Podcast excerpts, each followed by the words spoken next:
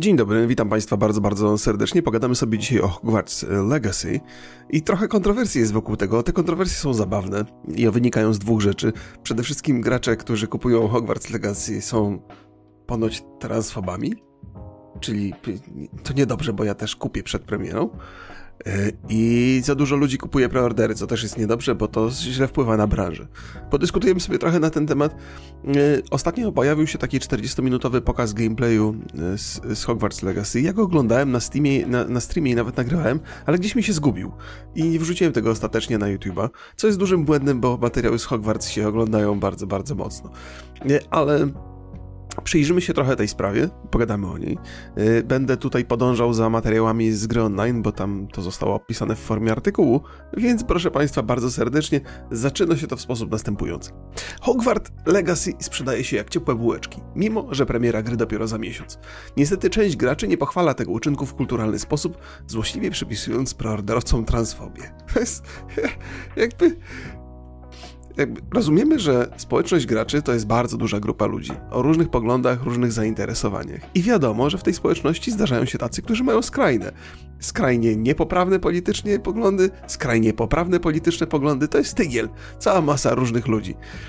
Natomiast y, świat Harry'ego Pottera naraził się y, społeczności, która tępi, powiedzmy, transfobię przez to, że na, na czele tego świata, już być może nie tak dokładnie, ale stoi, stoi y, J.K. Rowling, której wypowiedzi mogły być kontrowersyjne, ale niezależnie od tego, czy one są kontrowersyjne, czy nie, Hogwarts Legacy niewiele z J.K. Rowling ma wspólnego. Ale najwyraźniej, jak już powiesz coś niewłaściwego, i to właściwie Zaraz też sobie o tym pogadamy. Na ile to jest niewłaściwe, to też jest kwestia dyskusyjna. To nie tylko e, ty jesteś e, usuwany z internetu, ale wszystkie twoje dzieła aktualne są usuwane z internetu. Wszystkie dzieła, które powstaną na bazie tego, co kiedyś stworzyłeś, także musi być od razu usunięte z internetu i bojkotowane, kiedy tylko się pojawi. To jest przeginka i powiedziałbym, że jest to pewna forma prześladowania i niezależnie od tego, czego dotyczy sprawa, prześladowania innym prześladowaniem nigdy nie zwalczysz. To jest dokładnie ten sam problem. Znaczy, ludzie się nie zmieniają. Prześladują teraz ludzi z różnych powodów. Albo z innych powodów niż w przeszłości, ale to są nadal prześladowcy. Im się wydaje, że ratują świat. Ale przejdziemy sobie zaraz do tej sprawy na, na spokojnie. Rozpiszemy ją na czynniki pierwsze, ale najpierw trochę o o tym, o tym, o tych preorderach, o tych bestsellerach. Więc aktualnie tytuł plasuje się w czołówce najlepiej sprzedających się gier na Steamie.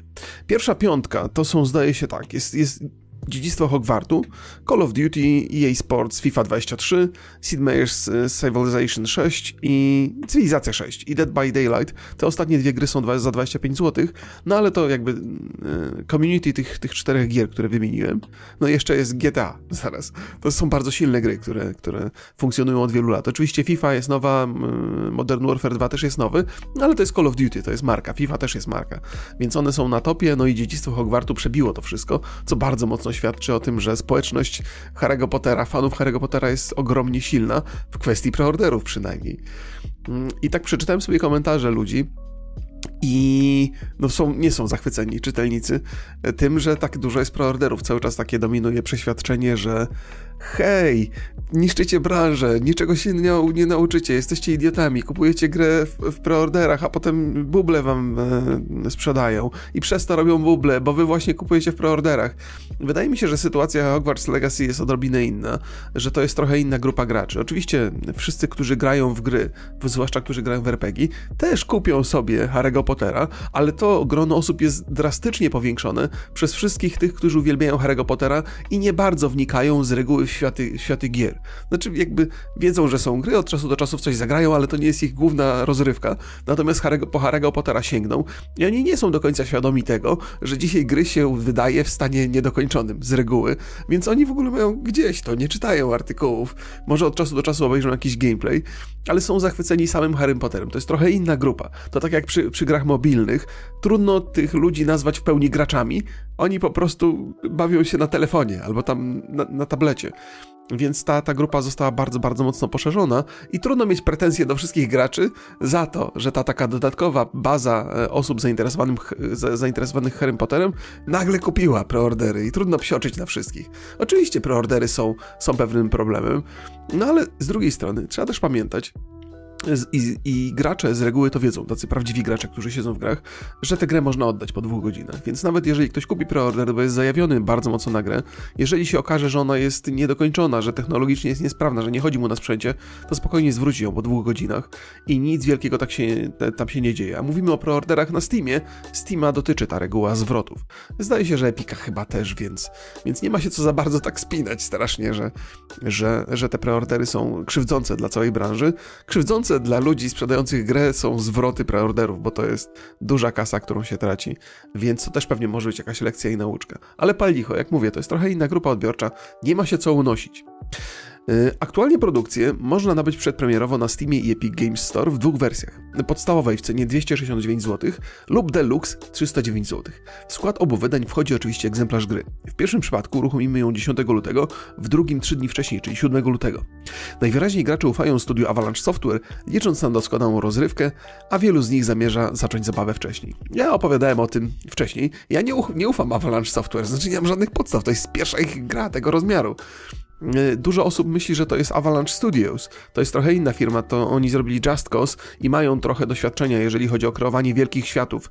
Yy, wielkich otwartych światów. Natomiast Avalanche Software niespecjalnie. Oni robili jakieś minimalistyczne produkcje. Nie wiem, czy tam mieli, chyba mieli trochę wspólnego z jakimiś produkcjami dla dzieci, ale nie pamiętam dokładnie, co to było, więc nie będę się tutaj bawił. Widać, że oni są bardzo mocno na. E, bardzo są sami nahypowani na ten swój produkt. Te ich pokazy są przepełnione zachwytami i, i oczywiście to może być marketing. Pewnie jest marketing, ale wydaje mi się, że oni spełniają jakieś swoje ambicje i swoje marzenia i właściwie to im się trafiła kaczka znosząca złote jaja, e, ten produkt, bo widać, to się sprzedaje straszliwie. Nieważne, to jest zapotrzebowanie ludzi na świat. Stworzony przez J.K. Rowling jest ogromny, na Harry'ego Pottera jest ogromny, na Hogwarts jest ogromny. Najwyraźniej transfobów jest pełno na świecie i muszą też w coś grać. Aha. E, Hogwarts Legacy ukaże się w przyszłym miesiącu. Ukaże się na PC, PS5 i, i, i, konsolach nowej generacji, czyli Xbox Series X i S. PS5 też jest konsolą nowej generacji, właściwie aktualnej generacji, ostatniej generacji. E, I to dobrze, że została przesunięta na paru innych e, urządzeniach. To znaczy, że deweloperzy nie pchają się z motyką na słońce, tak jak Redzi się na przykład pchali z Cyberpunkiem. Jeżeli ta gra nie chodzi na konsolach starych generacji, to niech sobie wezmą trochę czasu i niech to zrobią dokładnie, bo nie ma nic gorszego niż sobie strzelić w stopę wydając produkt, który który totalnie nie działa. W większości przypadków, a tak było z Cyberpunkiem na konsolach starej generacji, no nie oszukujmy się. Przy całej mojej miłości do Redów, to mam wrażenie, że tam w marketingu źli ludzie pracują. W sensie, to... O, o powiedziałem to. Tak czy inaczej, Um, jeszcze jedną rzecz chciałem dodać do tego. Kurde, wyleciał mi z głowy, ale dobra, to do tego, tego sobie wrócimy. E, użytkownicy Nintendo Switch będą musieli poczekać jeszcze dłużej, bo tam do 25 lipca stare generacje dostaną premiery 4 kwietnia, chociaż to też nie jest jakby na 100% pewne. E, będziemy mieli polską wersję językową, postaci napisu. A teraz, wracając do tej afery z, z, z J.K. Rowling. E, pamiętacie aferę wokół słów J.K. Rowling sprzed dwóch lat, gdy autorka książek o Harrym Potterze zabrała głos w sprawie osób transpłciowych?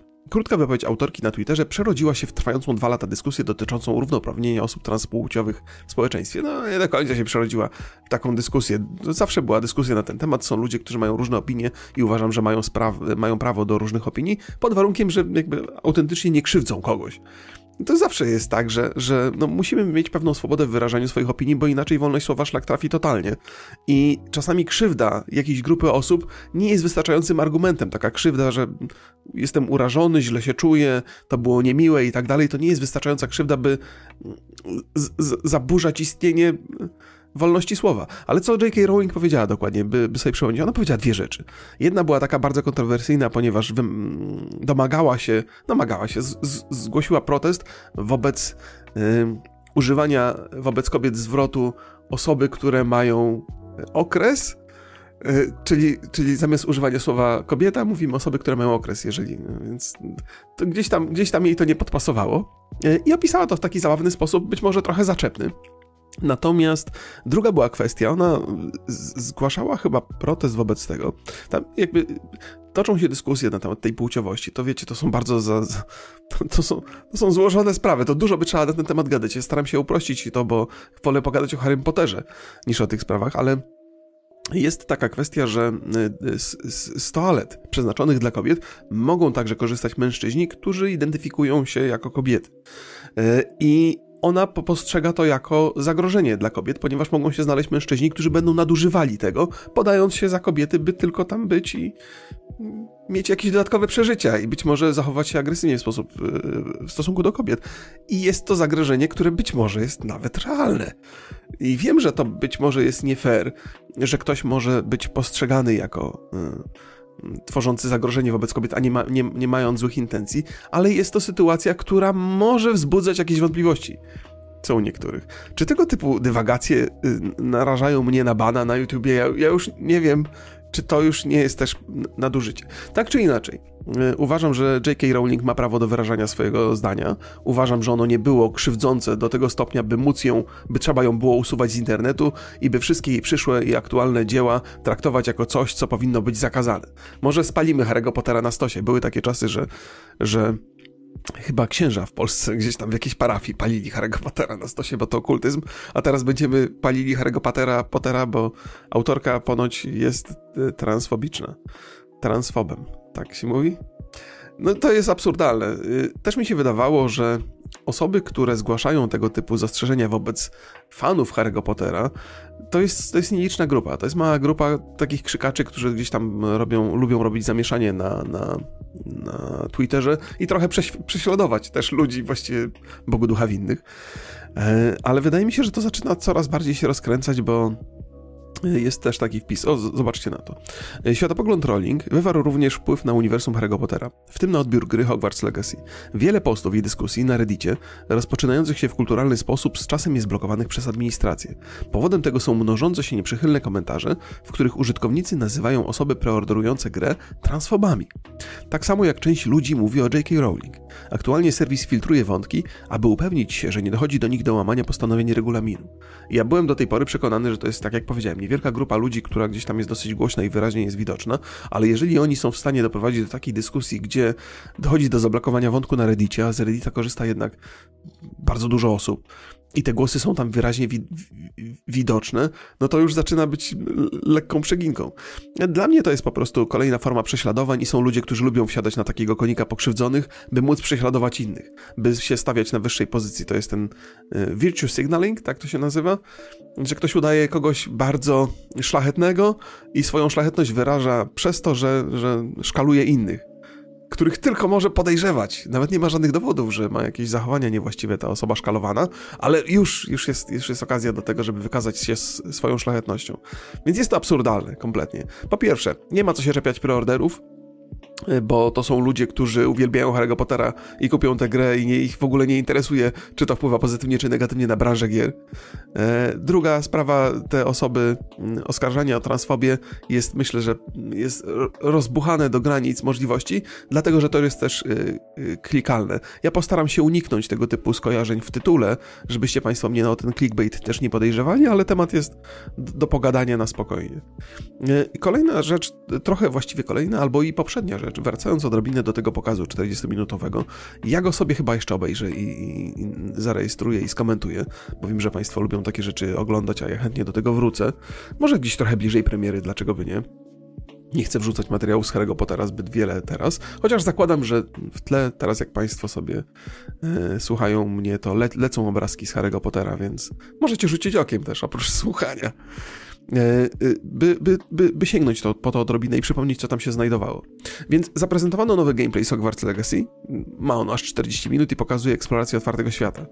E, poza Hogwartem, jak i potyczki na arenach. Hogwart pokazywano podczas pierwszego pokazu i tam był to, to, to w ogóle inna sprawa, że to trochę klatkuje cały czas, więc mam nadzieję, że deweloperzy dowiozą także technologicznie. To jest kwestia, którą powinniśmy tak naprawdę. To są rzeczy, o których powinniśmy rozmawiać. Czy to będzie chodziło w odpowiedniej ilości klatek na sekundę, a nie to, czy to jest transfobiczne, albo czy preorderów jest za dużo. Są w ogóle drugorzędne kwestie, ale pal licho. E, więc, więc pokazano za pierwszym razem to, tą szkołę. Wygląda moim zdaniem bardzo ładnie, chociaż tak trochę staroświecko, w sensie takim, że e, to są ładne budynki, ładna architektura, natomiast trochę brakuje detali otoczenia. Widać, że to jest taka produkcja, która być może nie musi się skupiać na detalach, może nie jest to do końca istotne. No nie ma tam takiego brudu, jakichś śmieci, taki, mało jest takich szczególików. Nie przeszkadza mi to, zwracam na to uwagę, to taki styl trochę z lat 2017 bardziej niż 2022. Nie jest to problem, tylko mówię, bo to absolutnie nie potrzebuje jakiegoś tam super dużej ilości detali, zwłaszcza jeżeli ma to wpłynąć negatywnie na optymalizację. Podczas pokazu tego aktualnego zademonstrowano dla odmiany latanie na miotle, oraz hipogryfie, które zresztą latanie na hipogryfie bardzo było sympatyczne, zwłaszcza jak hipogryf wyskoczył z torby. Bardzo dobrze jest zrobione w ogóle, ta cała otoczka taka, te wszystkie animacje yy, zrobione na potrzeby Hogwarts Legacy bardzo dobrze kojarzą się z filmem. Ten, ten świat stworzony w grze jest spójny z tym filmowym, bo to jest też tak, że chyba wszyscy fani Harry'ego Pottera, włącznie ze mną, chociaż nie nazwałbym się fanem, ale przeczytaliśmy książki i książki tam nam zaoferowały dużo, bo tam trzeba było pracować wyobraźnią, natomiast filmy nadpisały te nasze wyobrażenia, e, oferując e, wizualnie wszystko to, co, co żeśmy sobie wyobrażali. Więc tak, przez pryzmat filmu chyba postrzegamy dzisiaj Harry'ego Pottera przede wszystkim i te animacje dlatego są takie spójne. E, co my tu mamy? Podczas pokazu demonstrowano latanie, namiot oraz hypogryfie, czy rozgrywające się w specjalny, na specjalnych arenach starcie, w których przyjdzie nam się zmierzyć z rozmaitymi magicznymi bestiami i innymi czarodziejami. System walki też moim zdaniem jest atrakcyjny. O ile sama arena nie wydaje mi się jakaś atrakcyjna, ja nie lubię czasu marnować w grach na areny, chyba że one mają coś do dodania fabularnie, no ale to jest tam okazja, żeby sobie przećwiczyć. Podoba mi się ten system walki. On wygląda ładnie, wydaje się dynamiczny, y, właściwie taki trochę nietypowy. To jest, to jest coś, co, co wybiega być może poza chorego Pottera, bo te walki na różdżki były takie, sprowadzały się do robienia poważnych min i napinania mięśni, których nie widać. E, ale, ale ale tutaj ta walka jest dużo bardziej widowiskowa, rzuca się te zaklęcia, zasłania się przeszkodami różnymi, rzuca się tymi przeszkodami. Takie trochę, trochę, trochę Spidermana w tym widzę, trochę Batmana. Nagrodą za zwycięstwo w tej ostatniej aktywności, czyli arenach, będą przedmioty kosmetyczne pozwalające dostosować wygląd protagonisty oraz protagonistki. Tam dosyć dobrze deweloperzy pomyśleli o tym, o tym wyglądzie postaci i że on jest, y, może być istotny dla, dla graczy. Chociaż wydaje mi się, że mm, sama, sama, nie wiem, jak się nazywa, te, te to, że mięśnie twarzy dobrze pracują. Boże. Animacje twarzy. Animacje twarzy naszego bohatera są dosyć ubogie. Te postacie takie wyglądają jak po wylewie trochę, po udarze.